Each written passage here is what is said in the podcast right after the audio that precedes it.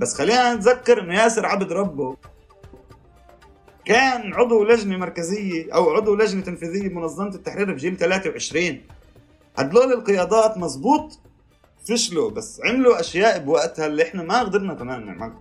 ما ننسى هذا الشيء ولازم كمان يعني نكون واضحين مع حالنا إنه إحنا ما عرفنا نبني ما يسمى بالمشروع. السياسة مش شعارات الشعارات للتعبئة. هي أنا شايفين كيف عم بكذبوا فيها. وبقول لك بصراحة الشعب الفلسطيني تعب من الكذب. تعب تعب تعب. كله عم بكذب عليه. كله عم بكذب على هذا الشعب. و... و... وإحنا لما أجينا بدنا نشتغل سياسة إحنا كمان كنا نكذب على حالنا ونكذب على الناس. ونفكر. أنا اليوم يعني بقدر أحكيها بكل صراحة بأحداث الأخيرة. كان في ناس بعدها بتفكر كيف ممكن نستغل الشارع. والكو اتركوا هاي المصطلحات. اتركوها لهاي المصطلحات الشعب قرفها كل اللي عم بيصير واللي أنتم جايين بدكم تخلصوا الناس منه عم تحكوه.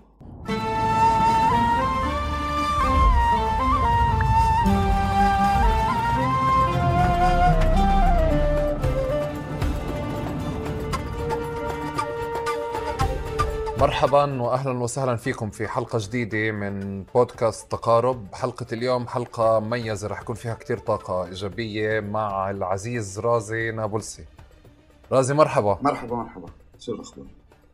كيف الحال؟ تمام ماشي نتنفس. صح النوم. حبيبي شكرا. رازي أنا عشان عشان نكسر على البدري في سؤال دائما بالعادة بقضية التعريفات وهيك إنه آه، بترك الضيف يعرف حاله وبتركه يحكي لنا كيف بحبش الناس يعرفوه. كيف بتضايق يا أخي؟ فبتحب تبلش انت كيف تتضايق من التعريفات اللي بتزعج ولا ولا من كيف بتعرف حالك؟ أنا ما بحبش أعرف حالي بصراحة. يعني بدك تعرف حالك رازي. إيه، يعني اللي هو بروفايل أنا رازي من كذا إيه، عندي كذا بسوي كذا بنعمل كذا. إيه، من بلد اسمها عبلين بالجليل بالأساس طلعت من عبلين جيل 17 عشت بالقدس عشت بحيفا هسه عايش كنت في رام الله هسه رجعت حيفا. بكتب وباحث وهذا هو كفي أو وكيف بتحبش الناس تعرفك؟ شو الأوصاف أو التايتلز هاي اللي بتكرهها؟ بخاف من تعريف كاتب لأنه يعني بفكر إنه هذا التعريف كتير هيك بتعرف آه، يعني خاصة لما أنت عايش بهيك محل ومع هيك بلد إنه يعني يعني بعرفش إذا واحد بنفع يعرف حاله كاتب بجيل آه، لهالدرجة صغير وبعرفش إذا هو لازم يعرف حاله كاتب ولا هو لازم يكتب ويستنى الناس تعرفه كاتب ولا تاريخ ولا بس بخاف منه. يعني أنت لما بتحكي كاتب وبتطلع على غسان كنفاني كاتب بتقول أوف ولا وأنا شو يعني ليش أنا أحط يعني بعد بكير يا إخوان. ف... فكأنه بخاف من هذا التعريف كثير هاي هاي عندي تعليق عليها بس قبلها بدي أحكي احكي لنا عن البلد يا أخي عن بلدك. قد إيه لك طالع أنت من عبلين؟ اللي طالع من عبلين 17 سنة. إيه شو سبع طلعت من جيل 17 إلي 10 سنين تقريبا طالع من عبلين أكثر شوي. إيه. طب أعطينا هيك إحنا ما بنعرفها وأنا يعني أنا بعرفهاش وفي ناس كثير بتعرفهاش بس أعطينا أشياء آه، تربطنا فيها عاطفيا ونحب نزورها. طلع أنا أول مرة انتبهت لعبلين كنت عم بقرأ كتاب سهى شارة مقاومه إيه وكانت هي من بلد اسمها دير ميماس وطلعوا على بيروت وصارت الحرب الأهلية ببيروت وبشي مرحلة بالكتاب بتحكي إنه هي لما رجعت على دير ميماس كانت دير ميماس كأنه ولا كأنه في حرب أهلية ولا كأنه عم بصير إشي والعالم بعده مكمل كل شيء تمام. وهناك أنا فهمت إنه هاي هي عبلين كمان. عبلين هي محل. هي قرية صغيرة بالجليل حد شفا عمر. مش عارف صراحة إنك بتعرف إنك تحكي على بالليل هذا تقريبا إنك تلخص طفولتك. والواحد بحاول يبعد عن كل شيء له علاقة بطفولته عشان هاي المرحلة الأخيرة بتكون بحياته. لما برجع لطفولته. آه بس آه اللي هو ما حدا بيعرف هي وين فبنضطر نحكي آه عنها آه إنه وين المرحلة الأخيرة بتيجي. آه بالليل آه قرية فيها يعني قرية مختلطة من ناحية آه، إسلام مسيحية يعني هي تقريبا نص بنص. آه، بلد آه، أكثر إشي مهم فيها صراحة إنه هي فيها مدرسة كتير كبيرة. فيها مدرسة مارلياس اللي هي واحدة من من أكبر المدارس بال 48 آه، أيام ما أنا كنت أتعلم كان يجي على المدرسة ما يعادل 20 30 باص كل آخر النهار عشان يروح الطلاب على كل أولاد من النقب ليركا لعكا لكفر ياسيف لطمره آه، وهاي المدرسة بتشكل بالنسبة لعبلين بوابة إلى العالم. تعرف آه، بشكل عام لما طلعنا على الجامعة كان واحدة من أهم الأشياء هذا التدفق الكبير للطلاب من كل محل. ما كانش كتير غريب علي لأنه كان موجود بعبلين من المدرسة كانوا يجوا أولاد من كل محل على المدرسة. وهذا بخليك شوي تعرف بس هاي كمان في له كتير سلبيات إنه المدرسة في نوع من الاتفاق بينها وبين البلد إنه هي بتأخذ كل طلاب عبلين بس بسبب مستواها كل طالب بده يجي عليها من برا البلد كون موقعها بعبلين في نوع اتفاق آه. مع المجلس إنه المدرسة تأخذ كل طلاب عبلين تمام. الطلاب اللي من برية عبلين عشان يجوا على المدرسة لازم يمرقوا معدلات كتير عالية من ناحية التعليم عشان القبول. فعمليا في كان ثلاث أربع ثلاث أربع تخصصات اللي مبنية لأهل عبلين كأنه اللي هدول اللي هن فيش حدا عارف المدرسة مجبوره فيهم. فهذا الجانب السلبي تبع إنه أنت تكون في مدرسة اللي هي فيها هاي الدرجة من المستوى العالي تعليميا وفيها اختصاصات بس لأهل عبلين فأهل عبلين كمان بحسوا حالهم مظلومين بالبلد فاهم؟ إنه فهاي المدرسة هي أهم شيء صراحة موجود بعبلين آه، من ناحية تانية خلينا نحكي إنه عبلين محل يعني طلع أنت رح تعمل مونتاج لا؟ لا. طلع بالليل محل ال بقدر بقدر أطلع عليه زي غرفة مسكرة. كل أهلها بشوفوش شو بصير برا بضلوا عايشين في دوامتهم نفسها وعندهم قدرة رهيبة على ال... خلينا نحكي زي هذا إشي مش بس بعبلين هذا بأغلب المحلات بلاقيه في عنا قدرة رهيبة على التعود على الظروف الجديدة يعني عبلين كانت قرية عدد سكانها بعد النكبة كان لا يتعدى الألف ألف شوي اليوم عدد سكان عبلين أنت بتحكي عن 15000 بين 12 ل 15000 فيش عندي العدد الأكيد بس بين خلينا نقول بين 12 ل 15 ل 15000 آه، المساحة تبعتها ما توسعت يعني جغرافيا ما توسعت المساحة. عبلين اللي كانت بلد اللي كان في مساحة دلم بين كل بيت وبيت. اليوم كل البيوت فوق بعض. إذا بوقف بالهلال الأحمر برام الله إيه بالبيري وبطلع على مخيم الأمعري تحتي بشوف عبلين بشوفش ولا أي إشي تاني زي عبلين بالضبط. يعني أنا بيتنا وبيت عمي وبيت عمي وبيت ابن عمي فوقنا حدنا جارنا بيته وبيت ابنه وبيت ابنه وبيت ابنه فوقه. البيوت راكبة على بعض الناس ما بتفتح فيها شبابيك ببلين يعني هذا واحد من أكثر الأشياء اللي أنا بشوفها كتير غريبة ببلين إنه ببلين ما آه، الناس ما بتسترجي تفتح شبابيك. إيه وكل الوقت كان عندي سؤال طب ليش بيركبوا شبابيك غالية على كهرباء مثلا؟ لأنه ما فيش حدا بيفتح شبابيك لأنه إذا بتفتح جارك قاعد عندك بالبيت فكل البلد هي عبارة عن شبابيك مسكرة بصراحة باستثناء كم بلد اللي هي البلد عتلة باستثناء كم بيت اللي هن فوق جايين على راس التلة فاتحين. البلد عمليا يعني كتير صعب إنك تفتح فيها فيها شباك لهي الدرجة الاكتظاظ السكاني فيها. وهذا إشي مش مميز لاعبين هذا لكل بلاد بال 48 إحنا بال 48 صارت النكبة ضلينا أعداد كتير صغيرة بالبلاد العربية وإسرائيل أجت سكرت علينا من ناحية أراضي. إحنا ما بنتوسع إحنا ما أخذنا أراضي جديدة نكبر مع الامتداد تبعنا. إحنا بالعكس إحنا إحنا حطوا لنا أوتوستراد شارع وحطوا لنا سكة ترين حوالينا وحطوا لنا مستوطنة. آه، اللي خلتنا عشان نقدر نتوسع لازم نتوسع تحت الشارع الرئيسي الأوتوستراد أو فوقه أو حده أو بعباره من تحته. بس البلاد العربية اليوم يعني عن جد هاي واحدة من أكثر الشغلات لازم تنحط كمراية. البلاد العربية اليوم هي لا تختلف عن المخيمات ولا بأي شيء ولا بأي شيء من حيث البنية من حيث الحيز اللي موجود اليوم ومن حيث التعامل مع الحيز العام في 1948 وعبلين مش كأنه هي مش مش خارجة عن هاي القاعدة هي بالعكس هي جزء أساسي من هاي القاعدة يعني. و والغريب إنه شايف إنه الضفة كمان رايحة لهون. أنا بتعرف أنت لما لما كنت بحكي أنا وياك بقول لك إنه أنا بالنسبة لي في شيء كتير ملفت ومهم بقضية أنت كيف شفت الضفة.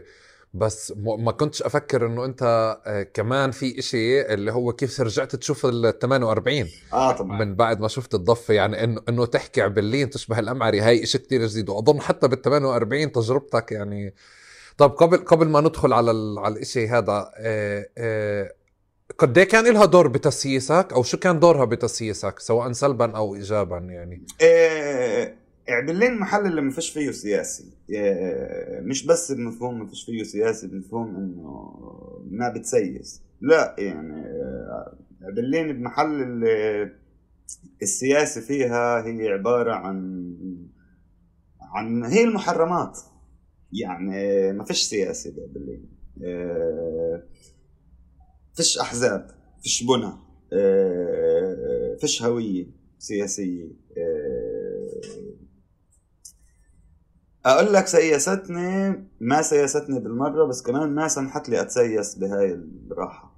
يعني يعني فكرة يعني ما سمحت لي أتسيس أصلا فيها. آه، باللين محل اللي فيه عقدتين أساسيات. العقده الأولى هي عقدة النكبة اللي هي في زي مثل بمشي بقول لك آه، بهاي الدولة اعمل شو بدك بس تقربش على الأمن يعني تقربش على السياسي بما إنه السياسي بال 48 ملف أمني يعني هو ما فيش إنه كأنه إنه بقول لك اعمل شو بدك بس تقربش على الأمن وكل التعامل معنا هو تعامل أمني. كل التعامل مع فكرة فلسطين بال 48 هو تعامل أمني بالتالي ما تقربش على السياسي. هذا واحد من واحد من العقد اللي موجودة. والعقد الثاني اللي موجودة بعبلين هو هي عقدة الخروج من عبلين كأنه إنه إنه الناس ما بتحب تطلع. يعني هذا ما بعرف إذا هو يعني كجزء بتخيل. يعني في لازم ينعمل بحث أنا فيش عندي جواب عليه. ليش بال 48 الناس بتخاف تطلع من البلد؟ يعني الصبية اللي من الشمال اللي من الجليل تتجوز للمثلث كانوا يسموها مغربة يعني أو بدها تتغرب. إيه، ففي نوع من أنواع التمسك بالبلد إيه، حتى لو شو بصير فيها المهم ما بنطلع من هون. المهم ما بنمشي من هون ما بنروح من هون. بس من ناحية سياسي ووعي سياسي باللين صفر. إنه صفر بمفهوم إنه ما مش بس إنه هي ما بتسيسك وهي كمان باللحظة اللي أنت بتتسيس فيها أنت بتمرق عملية خلينا نحكي شكوك مستمرة عملية زي واحد نازل من الفضاء مين هذا؟ كيف بيسمح لحاله يحكي سياسي عن الشكل وما بخاف؟ وهي على الآخر بصراحة يعني يعني لأنه لأنه السياسي ممنوع على المجتمع هناك ومش ممنوع لأنه إسرائيل منعتها بهاي الدرجة لأنه بتعرف مرات الرقابة الذاتية للإنسان على ذاته بذوتها وبتصير يمشي معها بطريقة يعني كثير متطرفة أكثر من شو بطلب منه الظالم كان ف ف... فعمليا هذا الإشي بعرفش إذا هو بس لعبلين ولا القدس هو موجود بال 48 بشكل عام اللي هو هذا الوضع تبع الشك والسؤال في كل عمل سياسي لأنه النكبة بتخيل إحنا ال 48 خاصة ال 48 بعدهم ما فهموا حجمها ما بحثوها صح. ما فهموا قديش هي أسقطت عليهم مشاكل. ما فهموا شو عملت فيهم النكبة عن جد بال 48 كان في حجم المصيبة أكثر من إنك تستوعبه وبالآخر لقيت حالك مرة واحدة في دولة يهودية بدك تعرف تعيش دولة أوروبا هاي تقريبا تقريبا يعني يعني إحنا إحنا مجتمع عالم ثالث داخل دولة عالم أول مش فاهمين ليه. وهن كل الوقت بيقولوا لنا لأنه هيك العرب. العرب هيك العرب. العرب متخلفين العرب كذا العرب كذا العرب كذا العرب كذا العرب كذا. بس ما حدا فاهم عن جد. حجم المصيبة اللي صارت بال 48 وعشان هيك هون الأزمة بال 48 وسؤال الهوية السياسية. سؤال سؤال مين انت وسؤال شو انت وسؤال آه، كيف تاريخك؟ بلش سؤال وين واقف اليوم؟ وسؤال هاي الدولة اللي انت عم تتعامل معها. هل هي دولة ولا هي حدا عم بفكر كيف يقتلك كل الوقت؟ بغض النظر عن أي شيء ثاني وهذا هو السؤال لوعيك لحالك وعيك للي قبالك هذا هو الأزمة بال 48 عدم الوعي للموقع السياسي اللي موجود عدم فهم الظرف اللي انت عايش فيه يعني. وهي هي فشل كبير للأحزاب. طب رازي أنت اللي بتقوله على القرى والبلدات إشي كتير لأنه أنا وياك جيال فإشي كتير بشبه يعني أنا دار سيدي كانوا في قفين فبتذكر يعني بتعرف شكل المظاهرات اللي اليوم بنشوفها بالصور بيطلعوا مجموعة ملثمين وبنزلوا بكزدروا عشان يحكوا مثلا يطلعوا بيان أو يناصروا حدا أو يكون يعني يبدوا أي موقف. الناس كان كنت أسمع الناس صغير بس بوعى منيح إني أسمع الناس يا بتطلع عليهم بعين التشكيك إنه كيف هدول كيف بيطلعوا أو من وين لهم الجرأة أكيد هدول جواسيس يعني هيك أو حتى برشوا على الحيطان. مين اللي برش على الحيطان؟ لأنه أكيد إسرائيل عرفتهم وساكتة عنهم. أو الاشي الثاني كيف أنت بتقول في حدا جاي من الفضاء؟ إنه يعني هذا كيف يعني شو دخلوا على هالمجال؟ إيه، آه، طلع هو وأظن كمان- لليوم- كمان لليوم- إشي كيف يعني كيف إذا اليوم أنا صراحة ما كنتش جاهز لسؤال نحكي على برلين يعني برلين واحدة من الملفات المسكرة بحياتي. بصراحة بحكي لك يعني يعني برلين واحدة من الملفات اللي بفكر إنه لما أفتحها مش راح أخلص. إيه، بس اسا بقدر خلال هيك خلال التفكير خلال الحديث هو هن بيمشوا متتاليات. بالأول بالأول بصيروا يسألوا كيف عنده من وين هاي الجرأة بس يفهموا إنك أنت مش كأنه إنك أنت جدي. إنه أنت مآمن بشو بتعمل. صح. بصيروا يعتبروك من الفضاء بصيروا يحترموك بصيروا يحبوك بصيروا يموتوا عليك بصيروا لا وبيفتخروا فيك بمكان تاني كمان يعني. بيفتخروا فيك بس آه، آه. كأنه عبال ما توصل لهذا المحل كتير بتتعب. أو خلينا نحكي كتير لازم تحط عبلين وراك وترجع لها فعلا من الفضاء. انه ترجع لها من فوق. يعني يعني طول ما أنت بتحاول تشتغل فيها من تحت مع البلد تقطع مسار خارجها يعني. آه بدك تقطع يعني في نوع من أنواع ال- ال- الشرعية اللي أنت بترجع فيه على عبلين اللي هو بصفي هن ما بفهموني بس بيحترموه بخافوا منه ما بفهموا. فيعني يعني آه هن بيجوا ورا بعض. بالأول بفهموكاش بعدين بقرروا ما يفهموكاش بس بتصير انترستنج بالنسبة لهم بتصير نازل من الفضاء. طب الانتفاضة الثانية كيف إجت عليها؟ ما بعرف. عليه يعني ما وعليك. فيها ولا إشي بهبة أكتوبر يعني يعني أنا من ال من ال من ال من ال اللي سمعته من اللي عاشوها بهبة أكتوبر كيف فهمت إنه الوحيدين اللي كانوا يعني أو مش الوحيدين الأساسيين اللي كانوا يضربوا حجار في هبة أكتوبر هم العمال اللي من الضفة اللي بعبلين وهذا لنفي هذا لنفي إنه أهل عبلين برموا حجار لا، ولا لا، هو فعلا هيك؟ أصحابي كان يعني شباب بيحكوا لي إنه كنا نروح إحنا بنعرفش هدول كانوا يعرفوا يضربوا حجار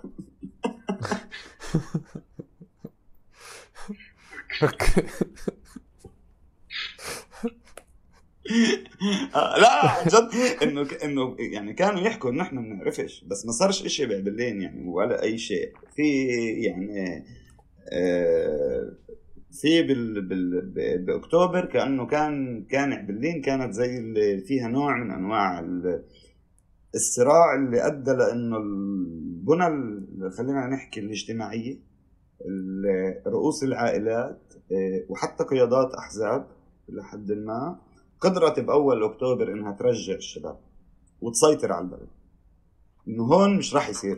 أوكي وهذا رجع صار بأحداث أيار الأخيرة بالمناسبه كمان يعني نفس نفس العملية رجعت صارت بابلين كمان مرة. وأنا بفكر لأنه في هذا الغياب الكبير لكل شيء اسمه سياسي البنى الاجتماعية اللي موجودة بابلين إن كانت عائلية إن كانت آه، خدماتية محلية آه، إن كانت طائفية عندها كثير قدرات بالبلد يعني هي اللي ماسكة البلد باختصار. يعني هي اللي بتقرر الكبير والصغير بالبلد. لحد ما بلشنا بالعنف الاجتماعي الداخلي صار الزعران يقرروا اللي تربوا عندهم للعائلات فيعني يعني التغيير اللي عم بيصير مش. إيجابي كمان بالمرة طيب آه، قبل قبل ما نقفز أي قفزة الانتفاضة الثانية أنت وين كنت؟ على التلفزيون. يعني وين كنت؟ كنت في عبلين كنت بعبلين على التلفزيون آه هذا اللي كتير بحكيه إنه اليوم أصحابي اللي موجودين في رام الله أنا وأنا صغير كنت شوفن أطفال حجارة كنت قاعد على التلفزيون طلع عليهم هدول بالنسبة لي أطفال حجارة كأنه إنه اليوم اصحابي يعني فاهم؟ إيه بس آه أنا كنت كل البعد بعيد. إيه عبلين طب شو الحوارات اللي كانت حواليك؟ طلع أنا بدي أحكي لك عبلين لأي. درجة الوضع السياسي. هاي يعني ما كنتش مفكر إنه بدي أحكيها يعني. إيه، لأنها قصة كتير كتير مهمة بحياتي إنه عبلين الوضع السياسي فيها صعب لدرجة إني أنا بني آدم بحب يقرأ كتير. من زمان. ولما رحت على المكتبة العامة بعبلين طلبت كتب عن فلسطين وطلبت وقتها كتب عن الأقصى وما كنتش أعرف إشي عن فلسطين وعن الأقصى.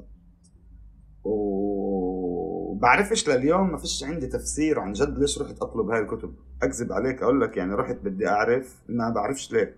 يعني فيش عندي تفسير. عاملة المكتب العام اتصلت بأمي قالت لها شوفي مين بيلعب براس ابنك. طلب كتب غريبة.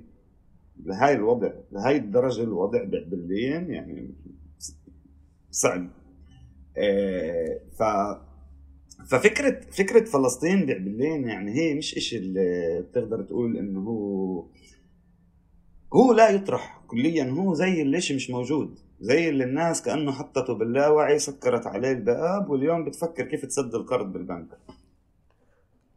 طب رازي بعيدا عن التحليل هيك ال... يعني من من صور أو مشاهد أو حوارات هلا أرجع يعني أنا خبيته عليك هذا ال... هذا المحور عشان ما يعني ما تحضرش حالك له نهائي آه،.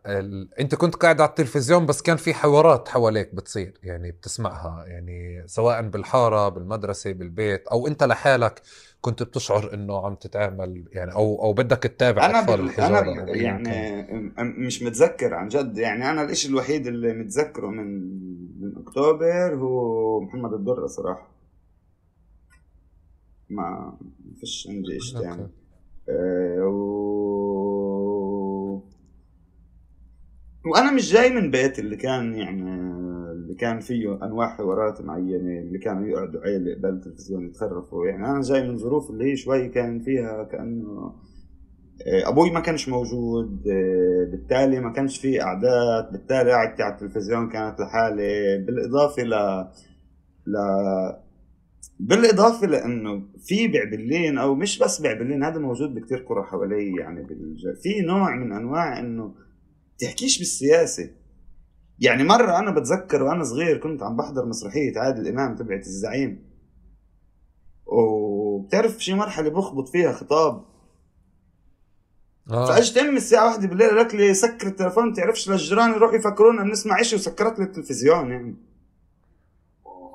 إنه إنه إيه، أنا لما بحكي عن عن جد لما بحكي عن كم كم الرعب من السياسة بال 48 أو ببعض القرى أو بال mainstream بال mainstream بال mainstream إيه، هو كل هو بعيد كل البعد عن شو ممكن تعرف عن مجموعة شباب من 48 عندهم وعي سياسي ولا بيعرفوا ولا يعني يعني في وضع كتير متطرف بالاتجاهين فاهم؟ في وضع كتير طبعا. آه فآه يعني ما بتذكر عن جد آه إيش إيش صار. طيب. آه بس بتذكر لما أنا عرفت إسرائيل؟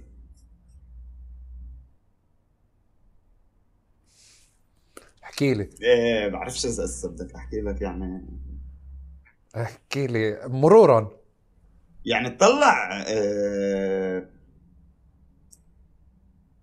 واحدة من أكبر الأشياء اللي كانت تواجهني صعوبة لما بدي أنا بني آدم ما بكذب حاله كأنه إنه يعني ما ب... ما يعني إذا في إشي تعلمته بالتعامل مع السياسة إنه كون واضح مع حالك مهما كانت الكارثة كبيرة.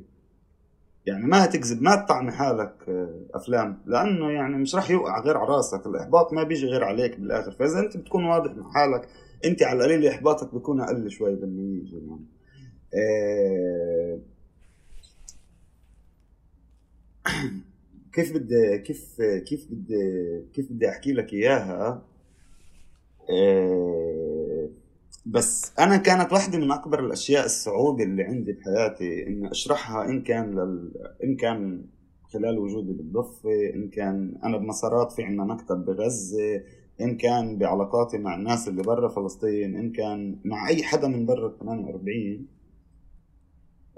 أكثر إشي كنت أواجه صعوبة فيه إنه أوصل له فكرة إنك أنت مش عارف إنك فلسطيني. بتعرف شو يعني؟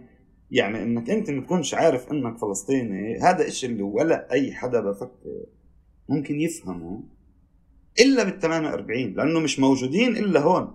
فيش فلسطيني ما بيعرف إنه فلسطيني إلا بال 48 طيب. آه ففي كتير في كتير حالة اللي موجود اللي هي حالة إنه الناس ما بتعرف عن جد إذا هي فلسطينية ولا لا. وأنا مش بني آدم اللي كان يعرف إنه فلسطيني. يعني أكذب عليك أقول لك إنه أنا كنت أعرف انه فلسطيني ما لا لا ر... رازي أنا أنا لما بسألك قاعد عم يعني بجرب أبني صور أنا بالعادة شو بقول عن ال 48 عن الشباب؟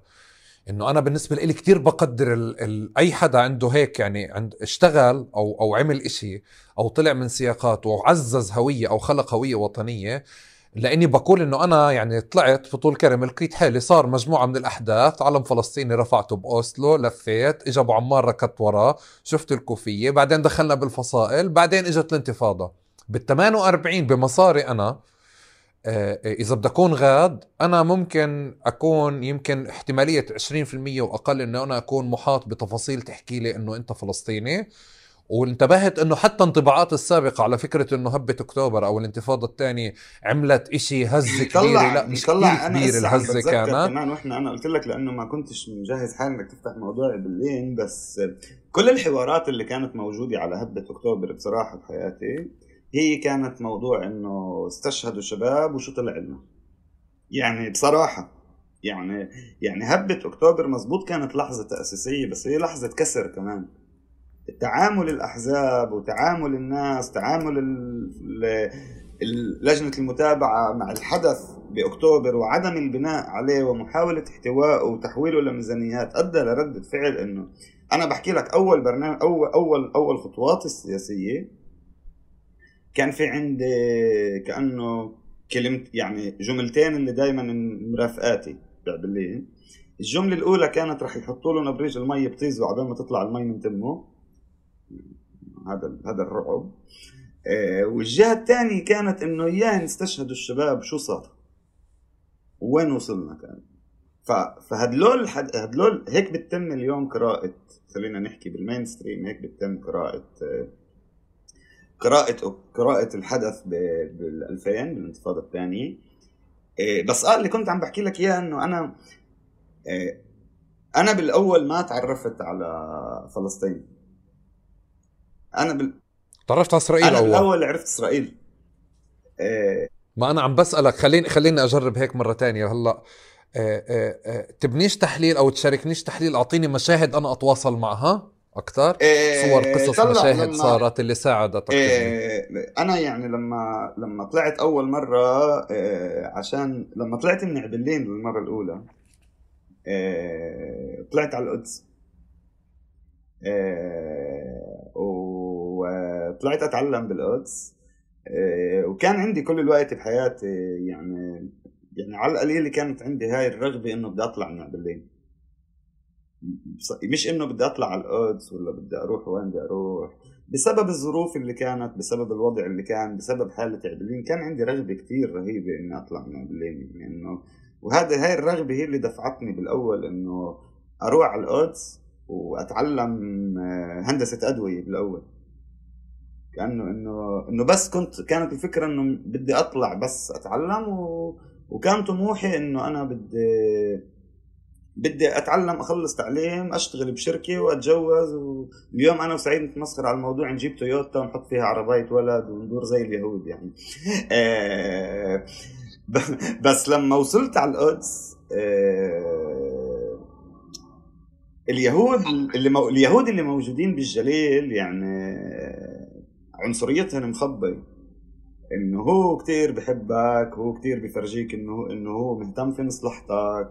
إيه، لدرجة إنه هو حتى بتطلع عليك بنظرة إنه هذا المسكين اللي بدي أساعده يطلع من هذا المحل اللي اسمه عربي من هذا المستنقع العرب. هذا كل الاستعلاء الأبيض الأوروبي الوسخ تبع كل النظرة الاستعمارية بتتلخص فيه تبعت إنه شو بيعرف تبعت إنه مين هو تبعت إنه لازم ننقذه تبعت إنه لازم نطلعه من محله. هذا الخطاب اللي أنت بتذوته كمان وأنا كنت مذوته بشي مرحلة اللي هو خطاب إنه أنا بتظاهر بنعبلين على المدن والمدن مش مدن فلسطينية المدن مدن يهود مدن إسرائيلية بالآخر يعني. انت بتيجي تحكي عن حيفا وحيز إسرائيلي؟ إيه فبالأول كانت أول خطوة إلي بالقدس وبالقدس إيه فهمت إنه هدول المجرمين إنه هدول مش جيراننا.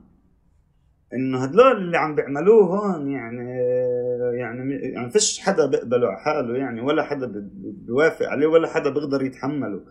إيه لما كنت أفوت على على الكافيتيريا بالجامعة وأشوف العامل اليهودي كيف بتمسخر علينا كعرب بالقدس إيه لما مرقت بشارع رقم واحد وشفت وقتها عشرين شاب إعلام إسرائيل عم بضربوا ختيار فلسطيني بالشارع يعني. وهناك بصراحة إيه اكتشفت إسرائيل. هناك اكتشفت إنه هذا الوحش اللي كل الوقت أنا شايفه بالجليل كأنه هو المهرب تبعي من اللين هو سبب كل ازماتي بالحياة. هو هو سبب المصيبه ومن هون بلشت رحلة البحث عن فلسطين صراحة.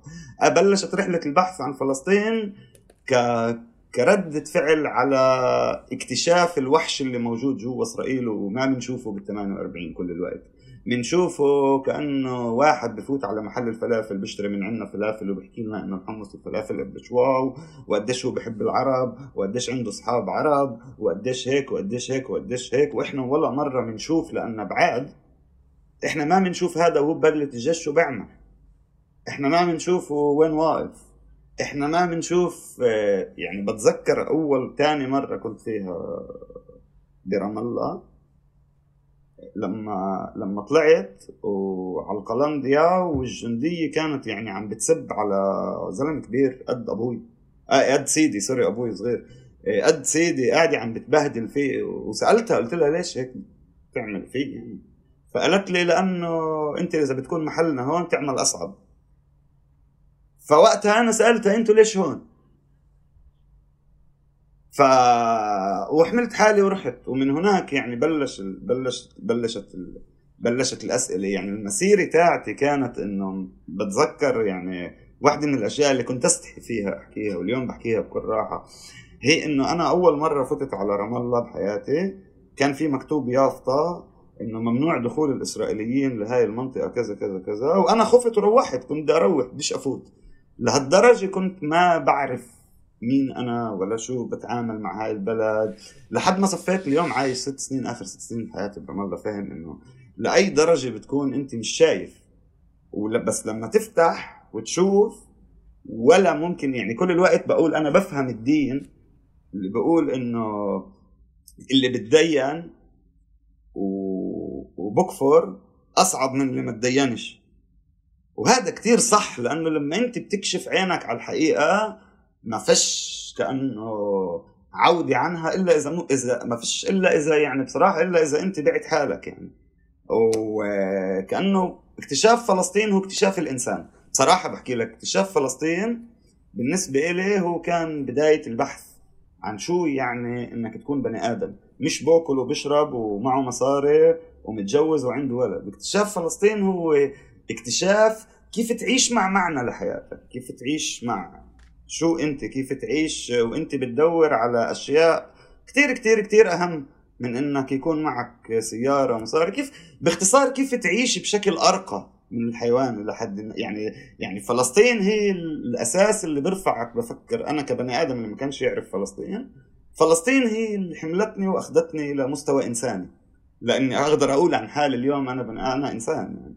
كل شيء عرفته عرفته عشان فلسطين. عرفته عشان أفهم فلسطين لأنه فلسطين مش مفهومة ضمنا بالنسبة لي هي نوع من أنواع الإيمان اللي أنت لازم تدور عليه لازم تجيبه لازم تفهمه لازم تقرأ موسيقى لازم تقرأ أدب لازم تقرأ آه، سياسة لازم تقرأ علم اجتماع لازم تقرأ آه، علم نفس إلى حد ما لازم تقرأ علوم سياسية لازم تقرأ اقتصاد لأنه فلسطين مش هي بلدك اللي أخذوها اليهود لا فلسطين شيء أنت آمنت فيه عقبك بالتالي بدك تفهم إيمانك لوين واصل عدالة إيمانك فهي الأساس اللي أنت بتصير تبني حواليه كل حياتك بعدين. أنا كنت بحكي رازي دائما بقول لك كنت أكمل. كنت بحكي إنه في حالة ال 48 تحديدا آه، حتى مش تراكم ظروف. في مرحلة ما في قرار إنه أنت تبحث عن فلسطين أو تبحث عن هويتك. قرار إنه أنت بدك تبذل جهد بدك تتعب عشان يعني تتحدى أو تمسح تفاصيل ما أو تراكم. يعني في تحدي كتير كبير.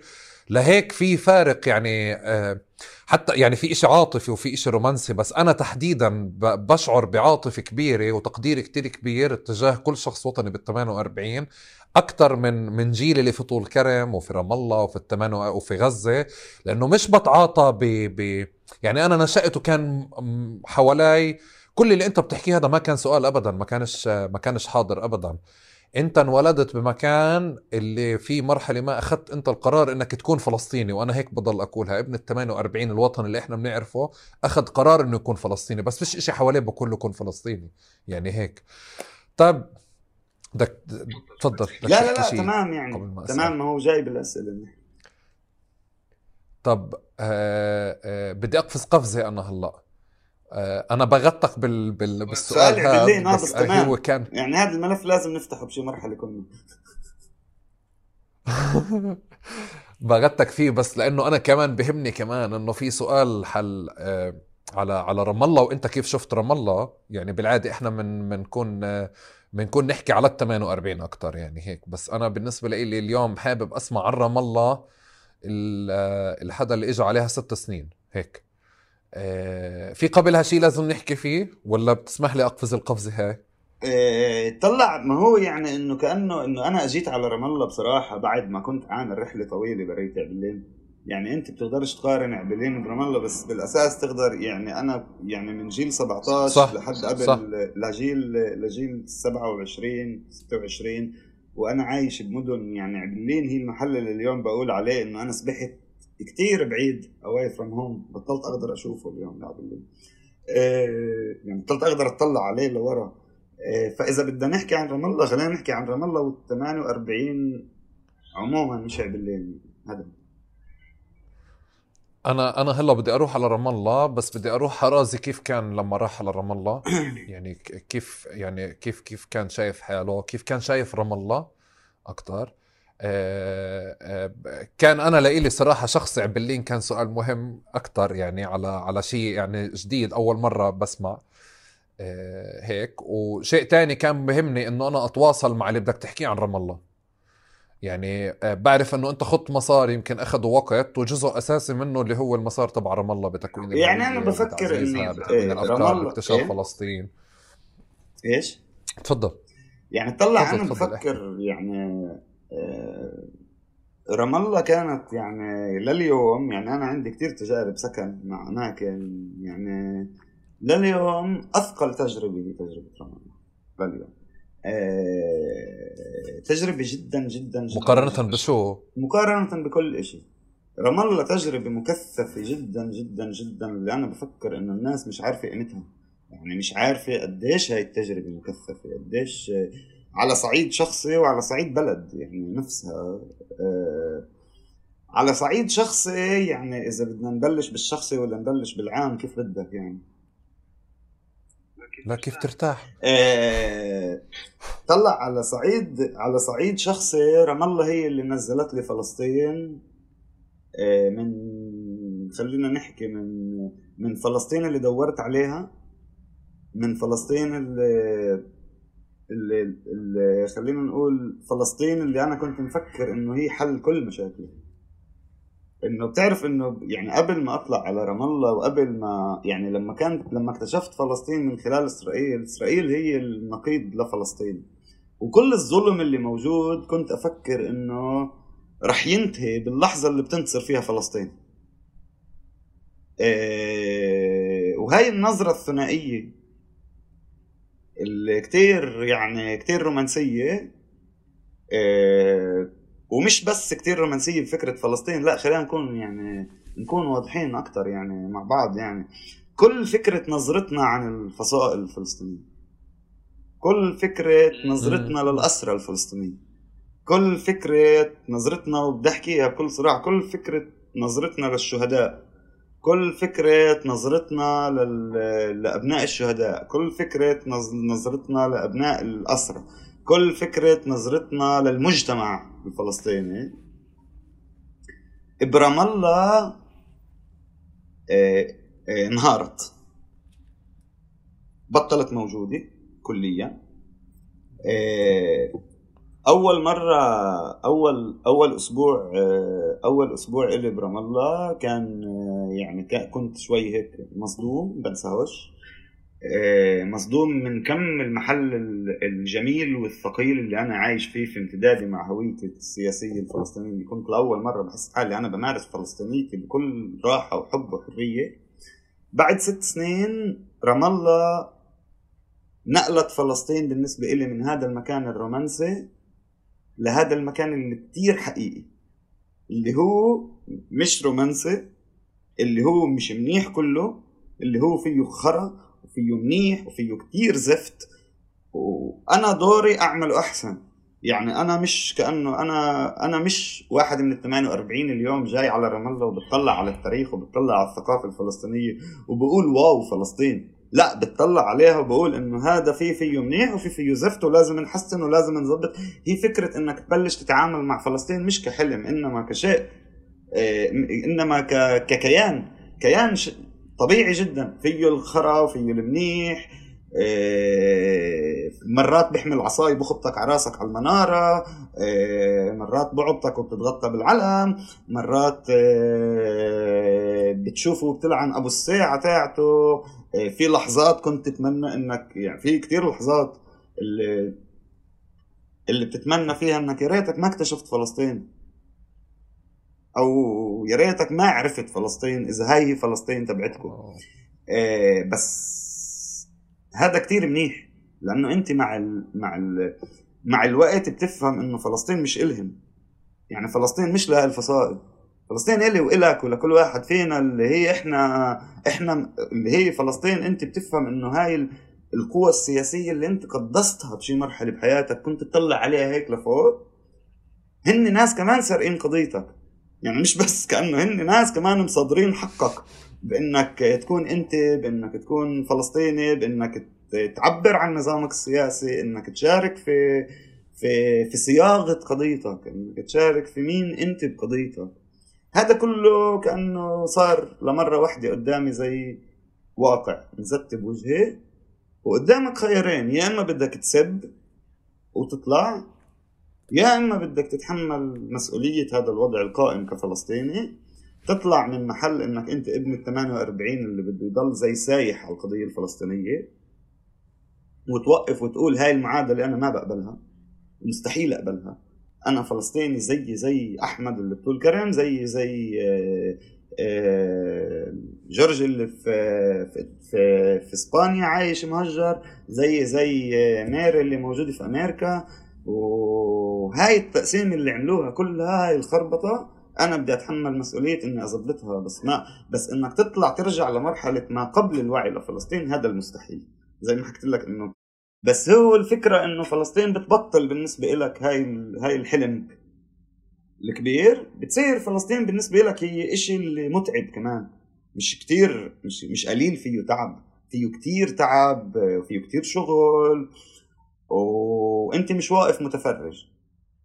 فهذا أهم إشي عملته بحياتي رام الله إنه إنه رجع إنه هي يعني زي رجعت لي فلسطين للمحل الحقيقي.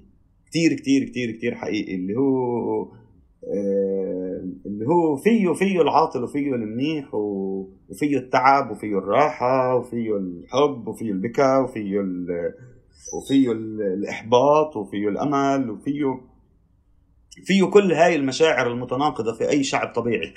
تعرف الشعوب مش المفروض تكون تحب حالها كيف الناس عندنا بحبوا فلسطين؟ إنه لا إنه كانوا انه انه انه الشعوب مركبة. وبتفهم إنه إحنا مركبين وبتفهم كمان إنه حتى الاسرى اللي بالسجون في فيهن المنيح وفي فيهن اللي مش منيح في فيهن اللي الأناني وفي فيهن اللي بمعطاء وهذا الطبيعي. الطبيعي إنه فلسطين تتحول للحم ودم لقصص ناس. إيه، لحب وكره ولمليون عاطفة مركبة أكثر من هي فلسطين هي فلسطين هي زعتر هي فلسطين. لا مش هيك كأنه هذا اللي عملت فيه رمضان طب قبل قبل ما قبل ما ندخل أكثر بخلاصات أو بتحليلات آه، بتقدر تشاركني هيك آه، صور من من يعني صور صدمتك بالمرحلة الأولى خليني أقول؟ يعني بالرغم إنك أنت قاطع شوط ومرة تانية أنت مش مش يعني في مرحلة عشر سنين من عبلين ل... لحد ما دخلت رام الله. بس مع هيك رام الله دائما يعني الناس بتشارك إنه كل حدا سواء من طول كرم إجالها أو من القدس وإجالها أو من ال 48 فيها صور بتصدم. يعني, يعني طبعات مسبقة أو صور نمطية. في كثير صور بتصدم برام الله. يعني أنا إذا بدي ألخص الصور اللي بتصدم برام الله بخلصش. بس بقدر أعطيك أنواع الصور اللي بتصدم في رام الله. واحدة من الصور ال- واحدة من واحدة من أهم الصور اللي ما بنساها برام الله كانت عامل بالحسبة بيصرخ وبقول الله يرجع إسرائيل. أحمد معي؟ أحمد؟ سمعني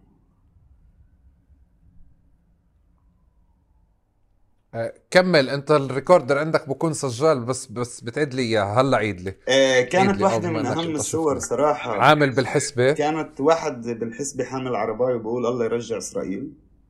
كانت آه، كانت هاي بالنسبة إلي كتير صادمة. عدت يعني فترة وبعدها لليوم في راسي. آه، ولقيت حالي بتفق أنا وياه إنه كيف إنه كنا مفكرين إنه لما تروح إسرائيل رح يروح كل الظلم واكتشفنا إنه الموضوع مركب أكتر من هيك شوي أنا وياه مع بعض. وإنه كان كان إذا راحت إسرائيل في كتير عشان نشتغل عشان نعمل واقعنا أحسن. آه، واحدة من من الصور الثانية اللي كانت آه، كتير كتير آه، مهمة بالنسبة إلي هي أم أسير كانت تبكي على المنارة. آه، كانت يعني كانت يعني قعدت وقتها تقريبا ساعات وأنا يعني بس صافن بإنه بإنه ليش وصلت هون؟ إنه إنه إنه قولوا لي ليش أنا لازم يعني هاي أم الأسير هو المحل الوحيد اللي بالعالم اللي المفروض يحترمها. على الوضع اللي موجود. المفروض يقدسها هاي الزاوية اللي أنا المفروض أشوفها فيه أقرب لل- للملائكية. ليش بلاقيها بتبكي على المنارة وحاملة صورة ابنها وهيك؟ إنه إنه وين هاي الصدمة؟ من وين جاي؟ ليش ليش؟ كيف كيف تقبلوا إنه توصلوا لهذا المحل؟ هاي كانت صورة جدا جدا جدا جدا صادمة. إيه، ما بنسى ليالي العيد إيه، وأيام العيد لما بيهجموا ال 48 على رام الله وبطلع أتفرج عليهم.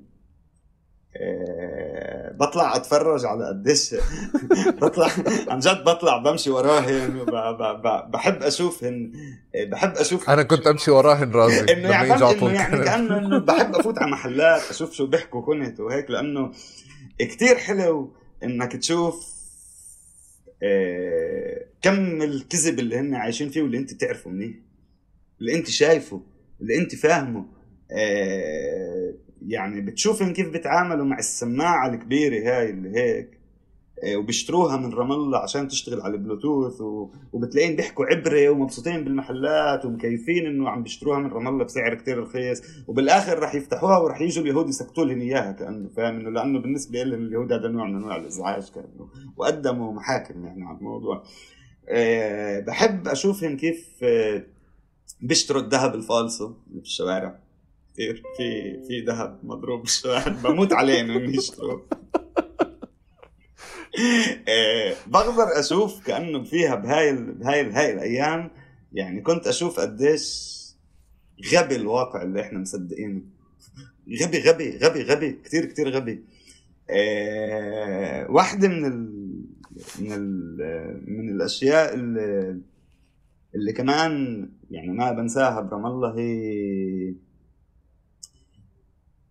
هي فكرة آه، الناس صراحة أحمد. آه، الناس اللي الناس الناس برام الله بعدها كتير منيحة. الناس الناس الناس بالشوارع الناس بالمحلات آه، بعدها ما توسخت كتير. عم تتوسخ اليوم. يعني فيش إشي بيوسخ الناس أكتر من الاقتصاد أكتر من المصاري أكتر من الفقر أكتر من القروض أكتر من السرقة أكتر من الظلم. على ما يبدو هاي بقايا المرحلة النظيفة المرحلة الوسخة بعدها ما تغلغلت كفاية بالمجتمع. الناس بعدها كتير منيحة ولا مرة ممكن تحس حالك بهاي البلد آه، رام الله دايما بتحس حالك غريب عنها بس ولا مرة آه، بتحس حالك ضايع فيها. يعني بتحس حالك غريب بس دايما في مين يلقاك إذا بتطلع هون ولا هون. آه، دائما في حدا بيشبهك دائما يا في حدا. بيشبهك. ال- الشخصي الاشي اللي, اللي كان يعني له التأثير يعني خلينا نحكي ال- اللي, اللي هيك زي وقع آه، هو لما استشهد باسل. لما استشهد باسل كانت يعني أول مرة بحس حالي إنه أنا أنا مش بس فلسطيني آه، أنا بعرف ناس استشهدت.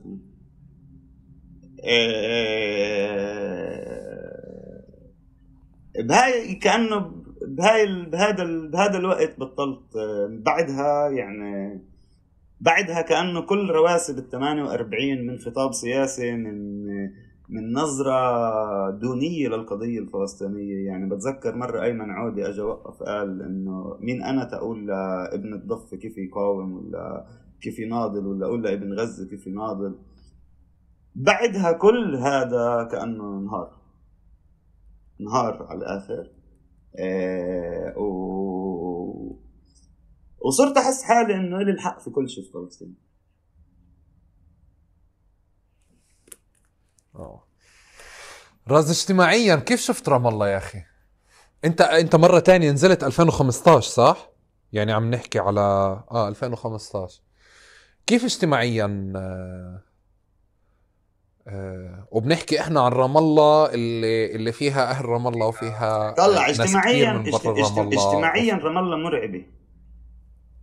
يعني اجتماعيا أنا بفكر في يعني أنا على القليل بشكل شخصي في أربع أشياء ضايقتني برام الله. أو بعرفش اذا هن أربع عن جد مش عددهم بعدني أنت خبطتني هيك بعدني أنا بس امبارح رجعت من برام الله.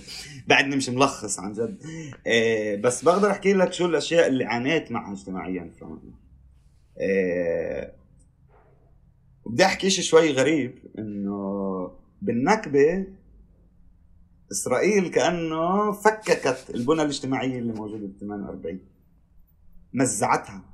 أوكي. الكبرية العائلات الكذا حملتهن وطردتهن على لبنان صفوا لاجئين واللي ضلوا هون صفوا مكسورين. آه، كانت أول مرة برام الله خلال سنوات خلال السنة الأولى تقريبا أو السنتين الأولانيات بعرف شو يعني طبقية اجتماعية عربية. اللي هي كأنه صح. بيسألوك أنت ابن مين وبفرق أنت ابن مين وبفرق من وين جاي وبفرق من وين تعلمت وهذا كان بالنسبة لي جدا جدا جدا صعب آه، صعب علي. مش لأني أعاني منه يعني. أنت بتعرف إنه كأنه في فكرة إنه اللي من الداخل برام الله ما بتعاملوا معه في إطار هاي التقسيمات. انت جاي بعيد كفاية اللي ما بنقدر آه. نسألك من وين جاي. كان انه إنه المحل الاجتماعي اللي جاي منه تو ماتش بعيد عنا فما بيسألوك عليه. فأنا صح كنت صح صح. كنت البني آدم اللي بتطلع عليها من برا. ما بتطلع عليها وهو جزء منها بس انتبهت قديش هي ظالمة.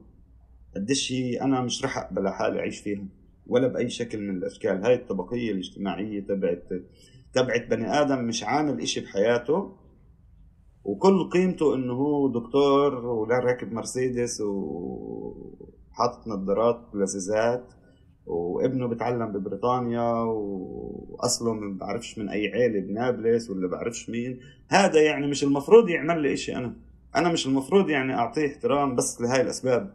في كتير أسباب تانية اللي تخليك تقيم البني آدم. اللي هي شو بيعرف شو بحكي بني آدم منيح بني آدم مش منيح بني آدم إيه خلينا نقول عنده رصيد بني آدم فيش عنده رصيد فكري معرفي اجتماعي يعني يعني أنا تقييمي للبني آدم هو للبني آدم.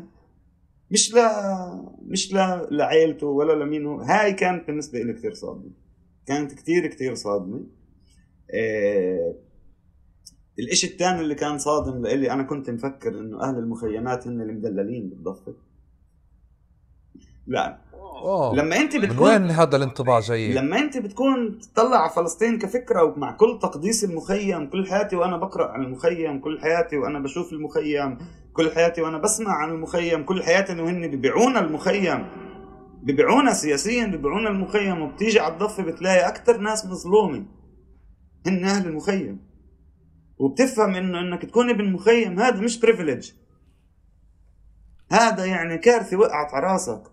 وكان المصيبة عندي أو مش المصيبة كانت اللحظة المفصلية بهذا الموضوع.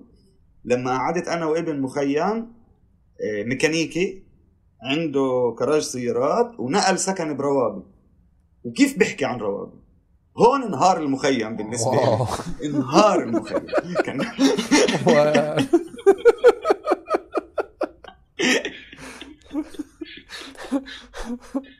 كيف صارت هاي أصلا؟ أعرفش آه، ال... يعني أنا مخيمات طول كرم بعرف إنه في واحد بمخيم طول كرم يعني نط كل ثلاث شوارع صار بطول كرم.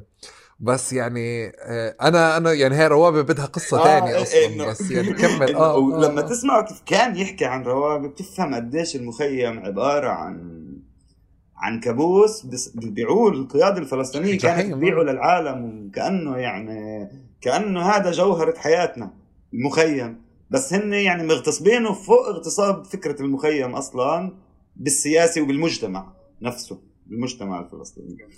الإشي الثالث اللي اجتماعيا كأنه كثير كان بضايقني وكثير كان بفهمه بس كثير كان بضايقني هو إنه رام الله مشكلة من دوائر. فيش فيها أفراد فيش فيها واحد بيجوش بقيموك على شو انت. بيجوا بقيموك على مين بتمشي وباخذوا عنك أفكار وبيبنوا عنك روايات وبيروحوا يحكوا عنك بمحلات وهي كل الفكرة إنه هدول الناس بسهر معهن أنا. يعني فانه في فيش إشي اسمه يعني فيش إشي اسمه إنك تروح وتعيش از اندفيدوال لحالك يعني أو أنت وشريكك أو أنت وصاحبك زي كل المدن اللي يعني برام كأنه كل المجتمع مؤسس على دوائر أصحاب اللي أغلبيتهن غالبيتهن العظمى يا جايين من نفس البلد يا تعلموا بنفس المدرسة. و... صح آه على فكرة إيه، صح أنا و... يعني. و... وهذا يعني بقول قديش البلد الناس فيها مش مطمنة مش الناس خايفة. الناس ما بت... آه، ما بتروح آه. تفتح حالها ابواب علاقات جديدة هي بتضلها بالسيف زون تبعها اللي اجى معها من الطفولة. وهذا كأنه كتير كان بضايقني لأنه كتير بحدني أعرف البلد. يعني بتعرف كل دائرة في إلها روابطها في إلها وخاصة إنه هن دوائر اللي جايات من البلد أو من المدرسة فهن جايات كدوائر مع ثقلهن من من صف ثالث رابع كيف كان كل واحد دوره بالشلة بعده دوره لليوم. صح اللي كان صح، متنمر صح، بصف صح، سادس صح. بعده متنمر لليوم. اللي كان ملطوش بعده ملطوش. بس أنا مش واعي مش مش كأنه ما كانش عندي هيك تجربة. أنا تنقلت بكثير محلات وفي عندي صديق واحد كان موجود بعده. آه وباقي الناس بتعرف عليها. بتتلخبط هاي المعادلات برام الله كلها قائمة كلها موجودة. وأنت لما بتيجي من برا صح، صح. وبتكونش فاهمها أنت بتورط فيها. لأنك مش فاهم المعادلة. أنت بتيجي زي اللي جاي من حيفا بدك تقعد ببار تسهر تتعرف على ناس تكمل حياتك. بس تكتشف إنه مش هيك. أنت تعرفت على ناس الناس عندنا أصحاب صاروا أصحابك. إنه ليه؟ فيش حدا بيفهم بس أنا بتخيل إنه لأنه جزء من إنه ال ال ال البلد هي الناس فيها مش مطمنة. يعني أنا الناس ما بتفتح لك ولا بتفتح لها وأنت مطمن على أساس بدنا نسهر ببار ونروح ونكمل حياتنا. هذا بسبب بتخيل الحالة الاجتماعية بسبب الاحتلال بسبب بعرف شو بس بنفعش يكمل. لازم نبلش نحكي مع بعض ما بنفع نضلنا قاعدين دوائر. يعني دائرتك هي خلص لازم المفروض تتعب منها. لا تبلش تدور على اشياء ثانية حب أنا أنا اللي أنت بتقوله أنا درست برا صح؟ لما إجيت 2000 2011 2012 على رام الله قعدت فترة اشتغلت وعشت فيها انصدمت بفكرة الدوائر هاي. فأنا صرت يعني حتى يعني صرت قاعد بركض بدي أكون جزء من دائرة. وفي البداية يعني مش عارف كيف بدي أصلحها بس في البداية أنا أخطأت بحق ناس بس أنا سلوكي مش إنه أنا بدي أخطئ فيهم بس أنا بدي أكون جزء من دائرة بسرعة يعني دائرة أصحاب. بعدين على مستوى سياسي وحركات في دوائر كمان. بعدين في إشي وأنت قاعد بتضحك يعني أنا بضحك وأنت قاعد بتحكي إنه أنا فجأة برام الله يعني أنا من يوم ما غادرت بطول كرم أو حتى لما كنت بطول كرم ما كنتش أشعر يعني إنه أنا ابن طول كرم أو إنه فيش إشي بطول كرم بخليك تقول إنه إحنا أولاد طول كرم. بس فجأة برام الله بلاقي حالي قاعد في قاعدة إنه آه، في نكف متبادل وفي أنا واحد من أولاد طول كرم اللي بدي أنكف على البقية وبدي أدافع عن إنه شوفي واذا بعدين حتى بتذكر إذا ما بتعملهاش بتصفي outsider كأنه إنه أنا بفهمك إنه كن إنه إن إنه آه، أنت آه، مجبور آه، آه. تعمل touch عشان تثبت ولائك لا للدائرة خلص آه ابن طول كرم ابن طول كرم آه. آه. آه, آه, آه وإشي تاني كمان أنت جزء من دائرة يعني أنا بتذكر كمان هلأ أنت هاي ممكن تشاركني فيها ممكن يكون عندك ذكرى كمان يعني آه، ذاكرة مشتركة الحراكات 2011 شله 2012 الأصحاب كانت. إنه أنت بتعرف بتعرف تتخيل أنا موجود برا فلسطين أسرة وجالية ومظاهرات وهيك. نزلت أنت إذا بتكون مع يعني سياسيا حتى سياسيا أنت ممكن تكون قريب من هون أو على مستوى أصحاب هون. مش المشكلة إنه أنت تكون بدائرة المشكلة إنك أنت بتخسر بقية الدوائر. يعني انت فعليا بتلاقي انه في تصنيفات انه انت شو بتساوي هون؟ انت ليه اصحابك هون؟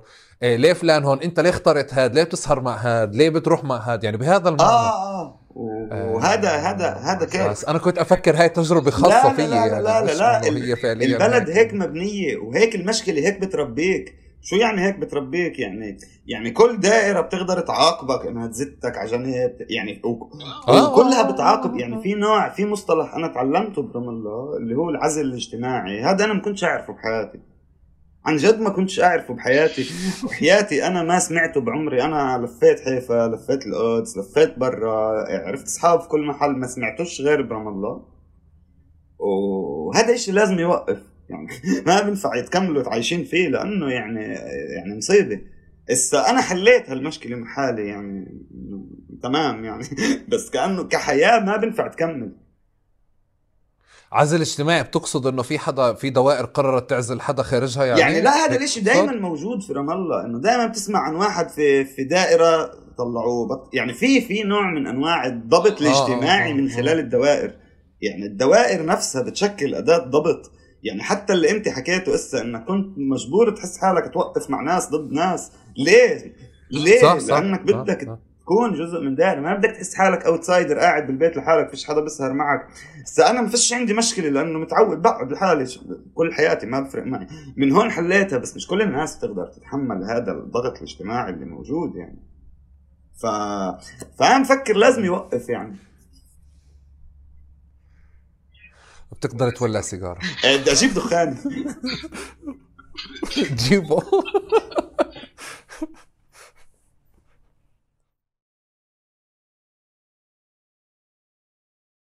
إيه، شكرا على إنه بعتني أجيب سيجار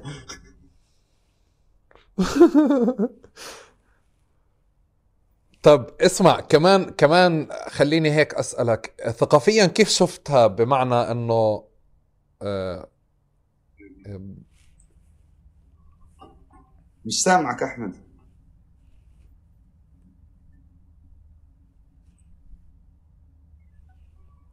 ما كنتش سامعك استرجع بس.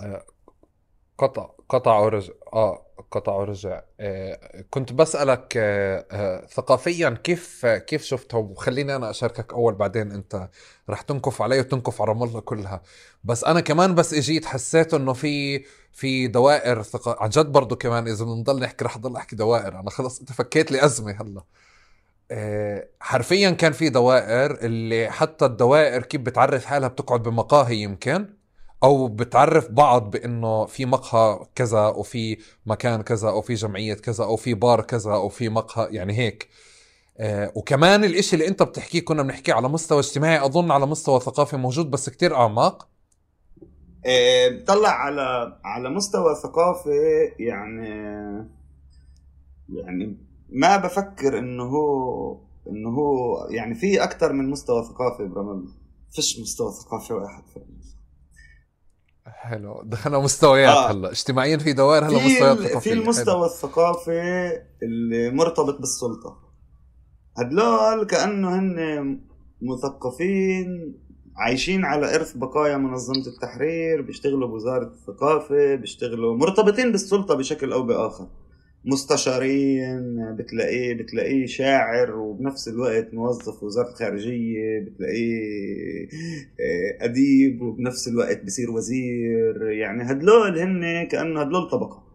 هدول يعني طبقة معينة اللي هن إبعاد عن السياسة كمان إلى حد ما. آه، يعني ما بيحكوا كتير بالسياسة لأنه إذا بتكون قريب على السلطة ما بتقدر تحكي بالسياسة منيح. يعني آه، أنا تعرفت عليهم فترة كتير كتير قصيرة. يعني خلينا نوضح إنه أنا كل الوقت كان كنت موجود في رام الله آه، وكان كل الوقت بالنسبة إلي أهم لي أشوف من إني أعيش. فبالتالي حاولت قد ما ممكن أكتر إني ما أضلني على الآن في محل واحد. يعني يعني بعرفش يمكن أنت بتعرف شوي كيف؟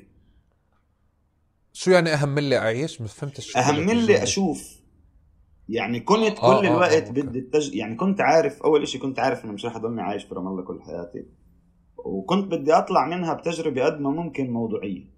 ما كنت بدي انحسي مع حدا حتى اليوم إذا بتطلع بتلاقيني أنا أصحاب مع كل الدوائر تقريبا. فيعني كان كنت واعي للإشي إنه أنا ما بدي. إيه فقدرت أشوف باكثر من محل. وأنا بقول لك في في في برام الله النخبة الثقافية اللي مرتبطة بالسلطة اللي هي نخبة فقيرة ماليا. السلطة ما بتوزع كتير مصاري وما بتعطي مصاري نخبة فقيرة ماليا مرتبطة بالسلطة كتير والثقافة بالنسبة لها هي عملية ترفيه عن النفس. أكثر من من ما هي يعني عمل ثقافي عن جد يعني كبير. إيه، في المستوى الثاني من الثقافة هو المثقفين اللي بسموهم خلينا نقول مثقفين ال high level بالمؤسسات. يعني هدلول معهم مصاري. هدلول عندهم علاقات. هدلول تعلموا بجامعات برا. وهدلول مسيطرين على موارد الثقافة الكبيرة بفلسطين. يعني أنت بتحكي عن المؤسسات الكبيرة والناس اللي قاعدة فيها.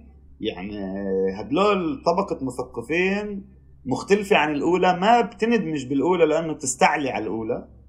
آه، وعندهم موارد اللي بتكفيهم يعيشوا بفلسطين وبأي محل تاني بيختاروا يعيشوا فيه. لأنه عندهم ارتباطاتهم عندهم لغاتهم عندهم علاقاتهم برا وعندهم مؤسساتهم اللي قاعدين عليها من فوق اللي هي بتجيب مصاري كتير. وهدول المثقفين اللي اللي لما انت تسأل عن مستوى الدخل تبع المثقفين وتسمع شو مستوى الدخل تبعهم يعني انت تفهم إنه هذا عالم ثقافي أكثر ملائم لبرلين من رام الله ولا ل... لنيويورك من رام الله. هذا عالم يعني كأنه هذا عالم ثقافي اللي هو بمستوى ورام الله بمستوى ثاني كليا يعني هذا عالم عايش بحاله. إيه وفي المستوى الثالث من المثقفين اللي هن هدول أنا بعتبرهم يعني أنا بسميهم المثقفين الصادقين والضايعين. اللي هن المثقفين اللي لا هون ولا هون وصادقين كتير بدهن ثقافة عن جد بس بنفس الوقت ما فيش عندهم موارد بنفس الوقت السلطة مسكر عليهم الموارد تبعتها وبنفس الوقت هن عائلهم مش مريحهم يوصلوا للموارد. هن هن ما بيعرفوا. هن ف... ف... ف... فهدلول بصيروا يموتوا بعد بفترة لأنه ما بوصلوا للموارد وما بتقدر تضلك تعيش مثقف بدون موارد. وبضلوا بعاد لأنه علاقتهم بالنخبة الثقافية تاعت السلطة كتير هن بيستعلوا عليها وعلاقتهم بالنخبة الثقافية تاعت المؤسسات المؤسسات تستعلي عليهم فبالتالي بصفوا زي بالساندويش هيك بالنص وبضلوا هناك لحد ما يعني فهاي أنا برأيي الصورة يعني تحليل اولي جدا جدا متأسف إنه ممكن احكيه بهاي كانه القطعية بس إنه هذا التحليل الأولي للوضع الثقافي كيف موجود وعم بعيش في رام الله يعني. أنا أنا شكلك أنت يعني قاعد بفكر إنه أنت مش يعني مش ناوي ترجع ابدا على رام الله. هيك. يعني تطلع لأنه يمكن كل السياسة الب... كل السياسة والبوليتكس اللي عملتها بالسنين هاي إنك أنت تكون بكل المستويات وبكل الدوائر شكل اليوم بدي أخلص لك عليها. أنا اطلع يعني أطلعك من دبلوماسيتك الشيء اللي مريحني بحياتي إنه هذا الحكي ولا مرة خبيته أنا بني آدم بحكي الحقيقة يعني اللي بفكره بحكيه. وهذا حكيته للكل. يعني مش إنه كأنه هذا شيء خبيته عن حدا. يعني اللي بقى يعني هذا الشيء حكيته لكل هاي صح صح. وهذا يعني صح. لا وهو كتير وصف دقيق يعني حرفيا. يعني لسه آخر طبقة أنا بظن آخر مستوى اللي أنت حكيت عنه آآ آه، آآ آه، يعني أنا اجيت أقول هدول اللي بطقطقوا يعني بطقطقوا على يعني على على بالثقافة بالفن بالأدب بكذا وبحاولوا يكونوا هون بحاولوا يكونوا هون. هو عنده موقف من السلطة وبدوش يكون جزء من السلطة بس له فترة شغال فيها وبنفس الوقت شغال بمؤسسه من المؤسسات وبنفس الوقت بشعر إنه طول الوقت لازم يبرر ولازم يسب على المؤسسة اللي وأنا عندي فيها ولازم آه آه ولازم آه يسب آه. على المؤسسات ويسب على السلطة ويسب على الكل عشان صح. يحس منيح مع حاله. بس يعني أنا كمان ما بفكر إنه هذا وضع صحي تكمل فيه إنه بالآخر يعني يعني في في في في يعني ما يعني إذا ب... لأنه فلسطين أنا بحكي لك الأزمة سياسيه كل الوقت الأزمات سياسيه بالآخر لأنه فلسطين لهالدرجة وصلت لمحل ضياع وتوهان اليوم اللي بطل فيها معايير لأي شيء فبطل في حدا عن جد عارف إنه إنه إنه إنه هو يعني إنه صارت إنك تسب بدون ولا أي فهم لأهمية المسبة. هو جزء من ممارسة الحياة الاجتماعية تاعت الدوائر. وصفى إنك ما تسبش هو جزء من ممارسة الحياة. يعني كل إشي برم يعني اللي انتبهت له برام الله إنه كثير أشياء أو أغلب الأشياء ممكن تفسر شخصيا بصراحة يعني. وهاي مصيبة. طبعا طبعا, وهاي مصيبة. لما ترجع التحليلات وتلاقي تفسيراتها شخصية مصيبة. لأنه إحنا أنا بتعامل مع الحقل الثقافي بشكل كتير جدي. يعني وبوجعني إنه وكمان وكمان في إشي هلا بدي أدخل على النخب السياسية يمكن والأحزاب اللي أنت أكثر شيء يعني كنت قريب منها بظن. بس كنت بدي أحكي على شغلة القطعية اللي برام الله يعني في شكل مزاودة آه، وثقة وقطعية بالرأي الشخصي اللي أنت ممكن أنا ممكن أحكي شيء على الرازي بس كيف بحكيه؟ هو مش قاعد بنقف عليه ولا بنم ولا هيك في إشي باخد يعني إنه في موقف قطعي أنا مجبور اخذ موقف من رازي بعدين يعني انت بتصير تطلع انه أنا ليه مجبور اعمل هيك؟ أنا لسه بدي اسألك انه ليه الناس بتكون متوتر اجتماعيا على بعض؟ يعني السؤال على مستوى ثقافي وعلى مستوى سياسي وعلى مستوى اجتماعي بتلاقي نفس الانعكاس بس عن جد الناس موتورة. إيه. أنا إذا بكون هناك أنا بالمناسبة أنا أنا أو أنت إذا هينا برانا يعني وإحنا واعيين بس إذا بندخل وبنعيش جواها كتير بنصير جزء من السيستم هذا لأنه إيه. يعني بدك بدك تطلع إيه أنا دائما بحكي إنه بحالات الحرب ما فيش مكان للي بده يوقف بالنص. كأنه كل ما الحرب يعني تطلع حتى بالموضوع السوري تطلع بموضوع الصين وأمريكا كل ما الحرب تتأجج أكثر ببطل في محل وسطي. يعني بروح المحل الوسطي. والصراعات هاي الاجتماعية اللي موجودة في رام الله بصراحة هي الصراعات الوحيدة اللي حقيقية عم بتكون. ف يعني نكذب على بعض إنه ليه؟ إنه هاي الصراعات هي الصراعات الوحيدة اللي الناس عم بتخوضها اليوم و... وبخليها تكون حقيقية. وبصراحة أحمد أحكي لك يعني واحدة من القصص اللي صارت معي آخر أسبوعين.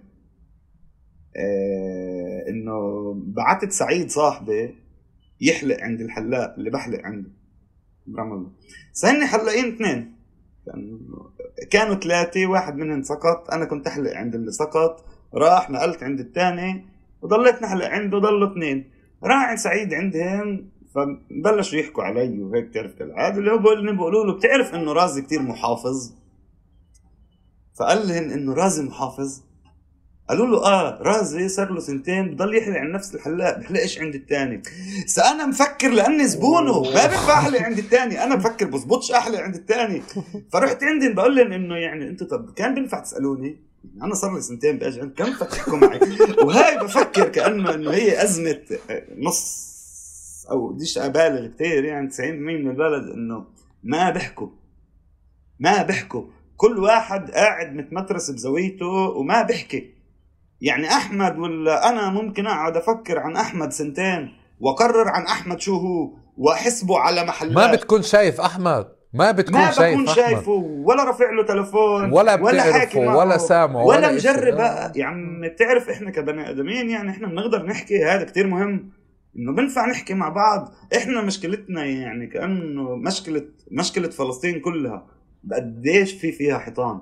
قديش في فيها حيطان بين ال 48 وال 67 بين الضفة وغزة بين بين الجار وجاره. الناس ما بتحكي مع بعض الناس بتفضل تحلل وتصدق تحليلاتها تتعامل مع التحليلات as fact وهي مش حاكي. وهون بفكر جزء كتير كبير من المصيبة إنه ما بنحكي مع بعض كفاية. رازي آه. كنت بمسارات ها؟ وقبل مسارات كنت بتعرف خليني أقول كل الشباب اللي عملوا أو كانوا جزء من أي حراك موجود في في رام الله. وحتى أظن أنت قبل يعني قبل ما تبلش بمسارات بلشت ب ب... كنت كتاب بتعمله عن الحراكات أو كنت جزء من كتاب انعمل آه عن الحراكات يمكن في رام آه الله. اشتغلت على 2012 2013 شيء زي هيك يعني يمكن زمان. يعني آه كنت يعني قبل مسارات وخلال مسارات يعني أنا كل الوقت يعني بالأساس بمسارات بس كنت أكتب كل الوقت يعني كثير أشتغل كتبت بكثير محلات يعني فإنه يعني آه. بس اللي بدي أقوله إنه أنت آه، آه، آه، عرفت واحتكيت بكل النخب أو أو الشخصيات أو الرموز أو أو النوعيات والمستويات والدوائر السياسية الفلسطينية. هاي يفرد لي فيها. هاي خبرني عن كل دوائرها وكل مستوياتها وأنا عندي فضول أعرف بالمناسبة عندي فضول أعرف هاي بالموضوع السياسي تحديدا أنت كيف كان تصورك عن عن الرموز والقيادات والفصائل والأشياء اللي اللي بعد ما أنت قعدت بغرف مغلقة ودخلت وعشت وشفت وسمعت واحتكيت وشفت الإعلام شو بيطلع عليه وكيف الناس بتأثر عليها وبتأثر فيها وبتنشحن وهيك طلع أحكي لك. احكي لي كل شيء رازي. أحكي لك بصراحة يعني آه، في مرة كنت قاعد أنا وواحد صاحب وقلت له إنه يعني تأكيد أنا حكيك قلت له بفكر إنه كان كتير غلط إني أشوف هاي الأشياء بهاي الجيل. واو. يعني آه في مرحلة من المراحل كنت بدي أرفع إيدي عن فلسطين كلها قد ما ال... هاي قد ما هاي ال... قد ما قد ما النخب السياسية كذابة كلها بدون استثناء. كذابين كذابين كذابين وبيكذبوا بدون ما يرمشوا كأنه يعني بدون ما يترددوا للحظة. بيكذبوا يعني. آه، طلع بصراحة في عندي كأنه هذا كمان بتأد يعني هذا اللي يعني أنت كمان حكيته يعني نفسه. هو يعني بتقسم ل يعني هاي الحديث أنا بقسم الوضع السياسي الفلسطيني دائما لكثير مستويات لأنه مآمن إنه الأشياء ولا مرة بتكون بجرة قلم وهذا كثير غلط. إنه لأنه في أكثر من مستوى. في مستوى النخب السياسية اللي هي مسيطرة على الفصائل وعايشة. هذا المستوى الأول. في مستوى اللي حواليهم يعني الناس اللي اللي مش سياسيين بس حوالين الطبقة السياسية ك خلينا نحكي محاضرين الجامعات هدلول ك اللي بيصيروا وزراء هدلول هدلول هدلول هدلول أساس الأزمة بصراحة. إيه، أزمتنا بنخبنا إيه، وفي المستوى الثالث اللي هو مستوى الحركات الشبابية والشباب اللي أنا جزء منهم يعني ما بزيحهم جميع بس خلينا نحكي على المستوى الأول والمستوى كأنه اللي حواليه اللي هو كتير مهم ومش رح يعني كأنه مش رح أجمل الأشياء المستوى السياسي نعم المستوى السياسي أحكي لي كل شيء. المستوى السياسي الفلسطيني أنا الإشي الوحيد اللي مش فاهمه بصراحة عليه يمكن من شو مرق بس المستوى السياسي الفلسطيني ما فيش عنده ضمير فكر إنه يعني ما مش عم بخاف على الناس إنه كثير بكذب إنه أنت شو بتشوف البيان طالع وشو أنت بتعرف معلومات عن شو صار هدول الاشياء مختلفات كليا. وكلهن هيك كلهن كلهن كلهن هيك أحمد. كلهن آه، شو فتح وحماس بيحكوا مع بعض بالغرف المسكرة يختلف كليا عن شو في بالبيانات. أنا ما بقرأ أخبار فلسطينية لأنه بعرف انها كلها كذب. ما بقرأ عن جد ما بقرأ. أنا إذا بشوف خبر فلسطيني بزيحه على جنب لأنه كله كذب. ال ال ال القيادات تبعت الفصائل والأحزاب شعوري الوحيد اتجاههن إنه هن حاسين حالهن تعبوا كفاية واجى الوقت يقبضوا رغم انهم فشلوا. يعني هن تعبانين كفاية واجى الوقت يستثمروا تعبهن. هسه أنا ما عنديش مشكلة إذا بدك تستثمر تعبك بس تعبك يكون نجح على القليل. يعني مش تستثمر تعبك اللي هو مش ناجح يعني كانه أنت فشلت يعني.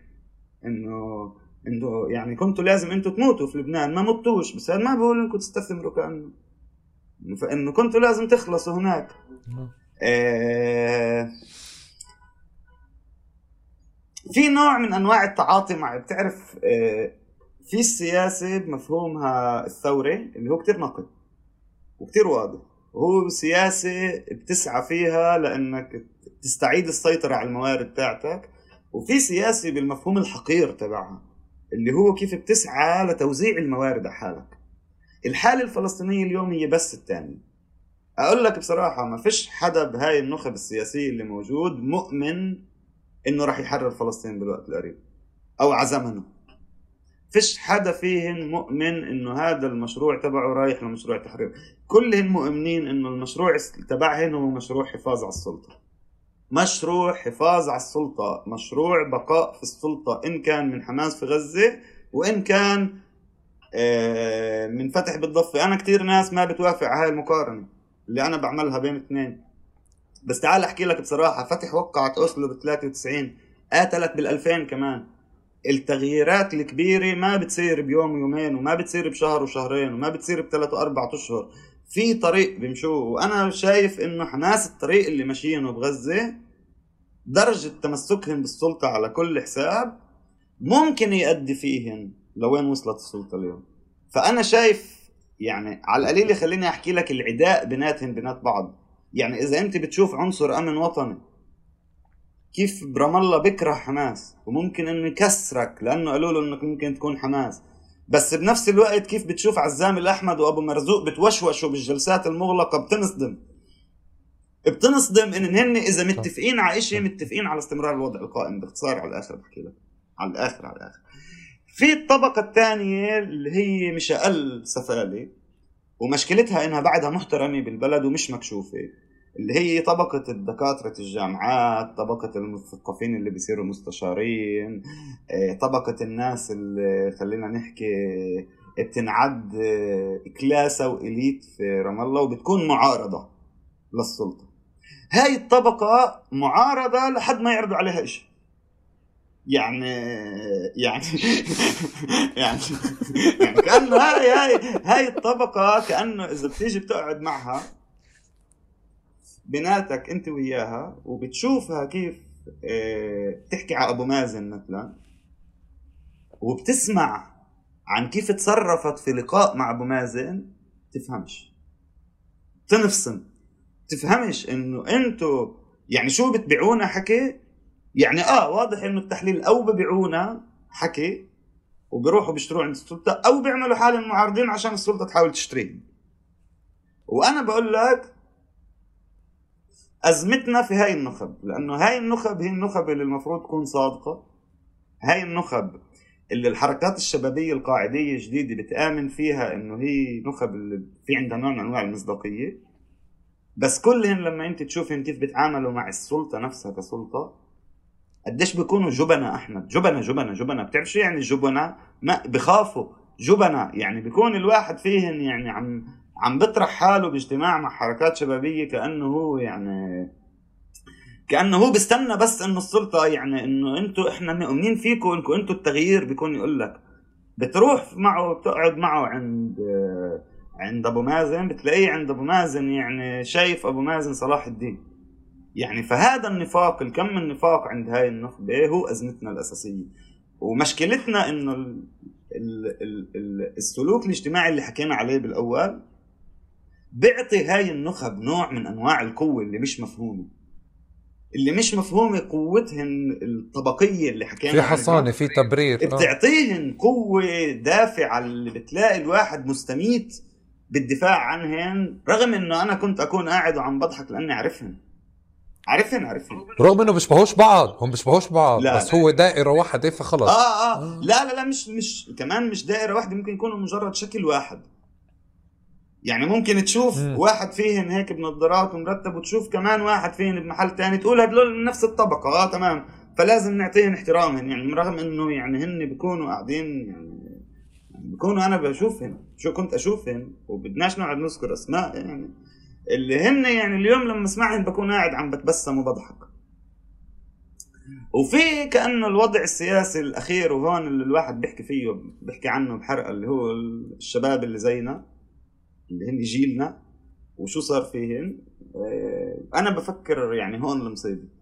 إحنا كنا مراهقين كفاية بفكر اللي اللي ما عرفناش نتحمل حجم المسؤولية. آه، كتير إيجو اللي ما بتقدر تشتغل معه. آه، كتير مراهقة آه، بدون فهم عميق. كتير ذاتية بدون موضوعية. وكتير عدم فهم. لأهمية شو يعني تفكر بشكل استراتيجي؟ شو يعني يكون عندك مشروع؟ كل هاي الحركات اللي إحنا كنا جزء منها ما كانتش تقول ولا أي شيء غير بدنا نحرر فلسطين بدنا نحرر فلسطين. شو يعني تحرر فلسطين؟ شو يعني آه شو مفهومك لمعنى تحرير فلسطين أصلا؟ آه وين أنت واقف اليوم؟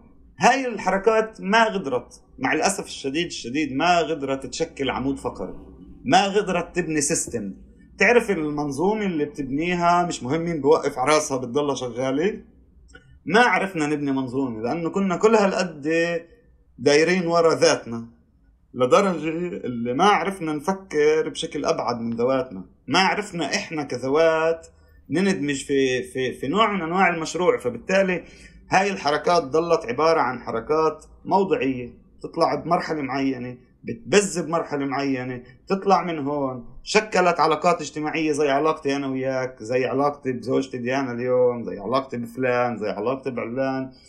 بس ولا حدا يعني كان يفكر بهذا الشكل اللي اليوم أنا لما باجي بطلع على باجي بطلع خلينا نقول باجي يعني باجي بطلع على شو قدرنا نبني أنتو بالكبير إحنا ما بنينا أي شيء ثابت. إحنا بنينا موضة والموضة كأنه بدون فكر وبدون وبدون عمود فقري يمسكها تضلها ماشية بتروح. والإشي اللي صراحة اللي كمان يعني خليني أحكي لك إنه هو يعني واحد من الأشياء الكارثية بهاي المجموعات إنه ما بيعرفوا أهمية أو ما فيش وعي لأهمية إنه كل واحد عنده دوره. ما فيش وعي لأهمية احترام الآخر في مكان الآخر. فيش حاجة كلنا نعمل نفس الإشي. فيش حاجة كلنا نكون قيادات. فيش حاجة كلنا نكون بدنا نبين بنفع كأنه كل واحد فينا يعمل اللي ممتاز فيه. ونعرف نقسم أدوار بينات بعض بس. الذاتية تبعتنا مع الحرب من إسرائيل مع الحرب من النظام السياسي التقليدي أدى مع بعض لأنه إحنا صفينا بالآخر. يعني عم نحكي عن تجربتنا كمجرد تجربة. بالوقت اللي فلسطين كانت لازم تحكي عن هاي التجربة مش إحنا نحكي عن تجربتنا الشخصية. حتى لما إحنا بنيجي نقيم اليوم بنقيم المرحلة من خلال تجربتنا الشخصية فيها ما بنقيمها من خلال دورها في التاريخ السياسي لفلسطين. وهون كأنه بلشت المصيبة مع كل الزفت على القيادة القديمة. بس خلينا نتذكر إنه ياسر عبد ربه كان عضو لجنة مركزية أو عضو لجنة تنفيذية بمنظمة التحرير بجيل 23 هدول القيادات مزبوط فشلوا بس عملوا أشياء بوقتها اللي إحنا ما قدرنا كمان نعملها. ما ننسى هذا الشيء ولازم كمان يعني نكون واضحين مع حالنا إنه إحنا ما عرفنا نبني ما يسمى بالمشروع. السياسة مش شعارات. الشعارات للتعبئة. هي أنا شايفين كيف عم بكذبوا فيها. وبقول لك بصراحة الشعب الفلسطيني تعب من الكذب. تعب تعب تعب. كله عم بكذب عليه. كله عم بيكذب على هذا الشعب. و... و... وإحنا لما أجينا بدنا نشتغل سياسة إحنا كمان كنا نكذب على حالنا ونكذب على الناس. ونفكر أنا اليوم يعني بقدر أحكيها بكل صراحة بأحداث الأخيرة كان في ناس بعدها بتفكر كيف ممكن نستغل الشارع. والكو اتركوا هاي المصطلحات.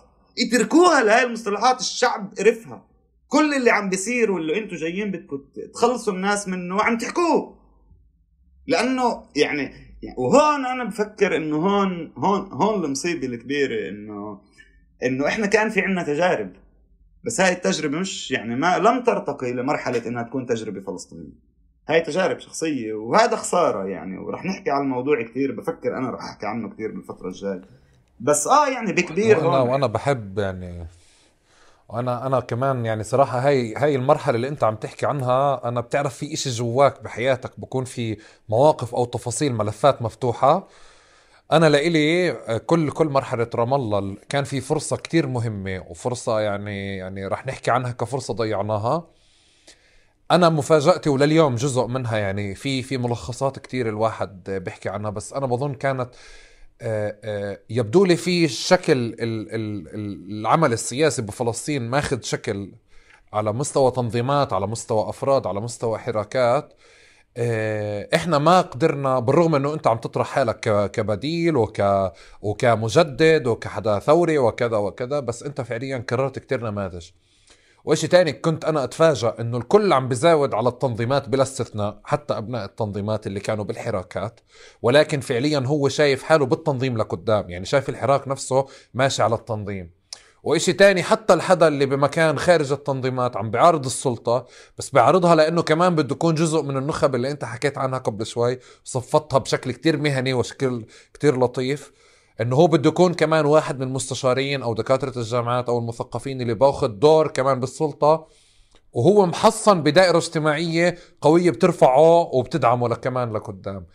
أنا صراحة كتير يعني ما زلت آه، لما بطلع على على على على الحركات بكل فترة و... و... وأنا يعني بكون مزعوج جدا لأنه ما مر عليها وقت بس لساتنا قاعدين بنشوف الناس اللي جدا صادقة بتنزل على على الشارع. وقادر أشوف على مستوى لما واحد بده يحول ال- الشارع لمقوله سياسيه كيف برجع بحولها لنفس المقولات الثانية وبس تجرب تسأل كيف الأوضاع تنظيميا عم بتكون جوا أو خط مين هذا اللي على اللافتة أو مين اللي جايب الإعلام أو مين اللي جايب كذا. بتلاقي في نقاشات زي كأنه أنت زي ما كأنه ما. تعلمناش إشي بتعرف شو؟ زي كأنه ما ما تعلمنا. ولا تعلمنا أي شيء هون هون هون شيء المصيبة إنه يعني أنا بحكي لك أنا آخر يعني يعني آخر آخر سنة سنة ونص يعني بحكم علاقاتي بحكم بحكم معرفتي بالشباب آه، سمحت لي إنه أطلع بشكل صادق من بعيد. وبصراحة كان في عندي نوع من أنواع الشعور تبع إنه فك ما إحنا خلصناها هاي المرحلة المفروض. ليه بعدكم هناك؟ أو ما بفهم. أقول لك بصراحة إذا عندي تفسير ما بفهم ليش. خاصة إنك أنت يعني مشيت بطريق وصلك لفشل قبل يعني اليوم إذا بدك تشتغل حاول تشتغل بشكل مختلف عشان ما توصلش لنفس النقطة. وواضح إنه في في هاي التجربة يعني هي تجربة اللي لازم يعني تنحط على الطاولة بأكتر إشي صريح بالعالم. يعني تنحط على الطاولة بكل أزماتها بكل مشاكلها بدون أي عملية تجميل. آه، عشان ضروري نحط مري ضروري نعرف نشوف حالنا. وبصراحة يعني آه. يعني هي تجربة تستحق كتير. مهما تحكي عليها مش رح تخلصها بصراحة يعني. وأنا أنا لسه بتعامل معها إنه في مسؤولية يعني إنه أنا صراحة ما عندي استعداد زي 2011 اللي في ناس بخلافات السبعينات والثمانينات بالجامعات جابت لنا إياها ب 2011 وأثرت بالمشهد على مستوى النخب العربية. أنا صرت أخاف نتيجة إنه أنت من 2000 2001 2014 2016 2017 2020 2021 لما بصير في حدث بدك يكون في عندك مقولة سياسية. جيلنا لساته عم بكرر المشاكل اللي موجودة أو التفاصيل أو حساسيات موجودة أو الصفافات والاستقطابات كانت موجودة ب 2011 و2012 طب يا جماعة أنا أنا كنت بمصر بتعرف هيك في صور على الشاشات بتيجي بتشوفها نخب. أول 2011 أول ما طلع وحلل نقلوا خلافات الجامعات وطلعوها للناس اللي بالميدان يعني ب ب على مستوى مصر. أنا صرت أخاف جدا إنه إحنا نكرر هذا الموضوع. طلع وإشي تاني كمان اللي اللي بشعر إنه في إشي غلط كمان بال- بالنقطة اللي أنت قلتها يعني بشعر بمسؤولية. أنا كنت واعي بس ما كنتش عارف أعبر عنها ولليوم بطلع عليها بأثر رجعي إنه في مشكلة كانت حقيقية بإنه أنت لما بتطلع بالمظاهرة بتفكرش باللي بعدها. يعني يعني إذا بترجع تتذكر إنه إحنا كنا ندفع حالنا دفع اثنين أو ثلاثة أو اثنين وثلاثة كمان ليدفعوا بعض إنه يفكروا باتجاه إنه لسه في معتقلين موجودين بدنا نفكر فيهم. أو بدنا نفكر إنه السلطة مش عم تعتقل ناس من من المنظمين لأنه خلص هدول معروفين كفاية بس بتاخذ من الناس اللي بترجع بلادها. وبتضربهم وبتعاقبهم وبتعتقلهم وإحنا ما بنعرف عنهم. كل شكل النقاشات وكل شكل التنظيم بالرغم إنه كان عندنا أبناء تنظيمات وناس منظمين وناس عندها خبرة تنظيمية وبالأغلب العام حتى اللي مش منظم أو مش محزب كان عنده يعني خبرة تنظيمية. بس ما كنا يعني ما عندي فكرة بس كيف أنت بتقول يعني هاي المساحة لازم تنفحص. آه، وبلكن يعني هيك رجعنا حكينا فيها وغرقناها يعني دخلنا فيها كتير منيح. متعب هذا الموضوع صاحبي أنا بضل أنزعج منه. طيب خلينا خلينا نقفز قفزة سريعة يعني قفزة سريعة شوي ونروح باتجاه شيء مبهج. تمام؟ آه، آه، عشان نسكر هيك الأشياء بإيجابية كثيره أنا بدي أظن إنه يعني أحسن شيء صار معك بال- برام الله المدام يعني. إيش؟ يعني رضي الله عنها. ديانا؟ أحسن شيء صار معك برام الله إيه المدام ديانا أحسن شيء؟ صار بحياتي. عن رام الله كانه قال أنا جاي أزود عليك فاهم بحياتي. مساء الخير أو صباح الخير يا ديانا حبيبي آه. احكي لي يا رازي كيف كيف ساعدتك على المرحلة هاي وكيف أثرت فيك إيش هي؟ ديانا. يعني مش- يعني مش بالخاص ما بعرفش يعني. إذا بصراحة يعني- أنا يعني بدي أحكي عن علاقتي أنا. ديانا كأنه حدا كمان اللي كتير بقمعنا يعني. هاي واحدة من أحسن الأشياء اللي عملتها ديانا بحياتي آه ويعني مش كتير بتحب أحكي عن علاقتنا بشكل عام يعني بشكل علني يعني بس آه يعني يعني ديانا ساعدتني بإنه هذا البني آدم اللي يعني يعني البني آدم الوحيد بالعالم اللي, اللي يعني لما لازم بيقدر يقمعني. مساء الخير مرة ثانية يا ديانا. طيب أنا أنا صديقي رازي يعني آه كثير انبسطت بهذا الحوار. حبيبي أنا كمان صراحة. فتحت جروحات وسكرت ملفات كمان يعني صراحة ساعدتني أسكر ملفات على مستوى شخصي آه، وبظن يعني شهادة ومشاركة كثير قوية. يعني بعرفش إذا حابب تضيف شيء لا لا يسلموا يعني ولا أي شيء بس إنه يعني خلونا نحكي مع بعض. يعني هذا هو. خلونا آه. طيب صاحبي أنا بنهي المقابلة دائما بسؤال شهير. شو مع المقلوبة؟ طلع أنا المقلوبة مركب بحياتي. إيه، أنا بحب المقلوبة. كثير كثير كثير كثير كثير ويعني بستنى ناكلها بشي مرحلة بإسطنبول. ما بتعملها؟ آه، مش كتير بعملها لأنه ديانة نباتية وبتعملها بدون دجاج وبما إنه بتعملها بدون دجاج فدائما بقول لها اعمليها أنت. أنا ما بديش اعمل أنا باكل رز وخضرة آه، مسمى. مقلوبه. سوري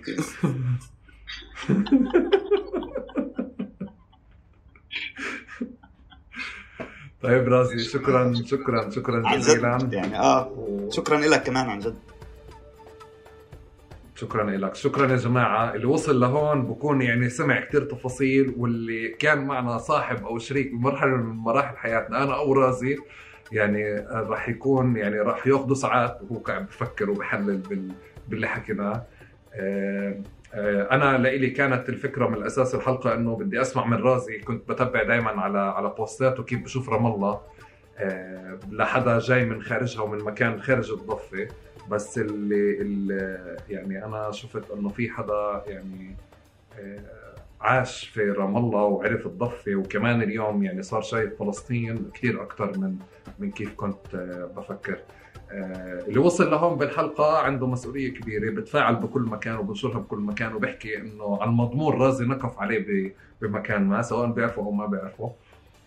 نقف على النخب السياسيه والثقافيه والاجتماعيه على الدوائر والمستويات كلها. صح يا رازي؟ يعني تمام. ما نقفتش كنت عم بحكي الحقيقة. اللي أنا بفكر إنها حقيقة مش ف- إنه كانه هي مش حقيقة بس أنا بفكر هيك. فشاركوا شاركوا الحلقة بكل مكان لأنه لازم توصل لكل من نقف عليه وكل من حكينا عنه وشهدنا عليه وشاركنا تفاصيل من حياتنا عنه سواء مشتركة معه أو تفاصيلنا لحالنا شكرا جزيلا لكم يعطيكم العافية شكرا رازي شكراً. مرة ثانية يعطيك العافية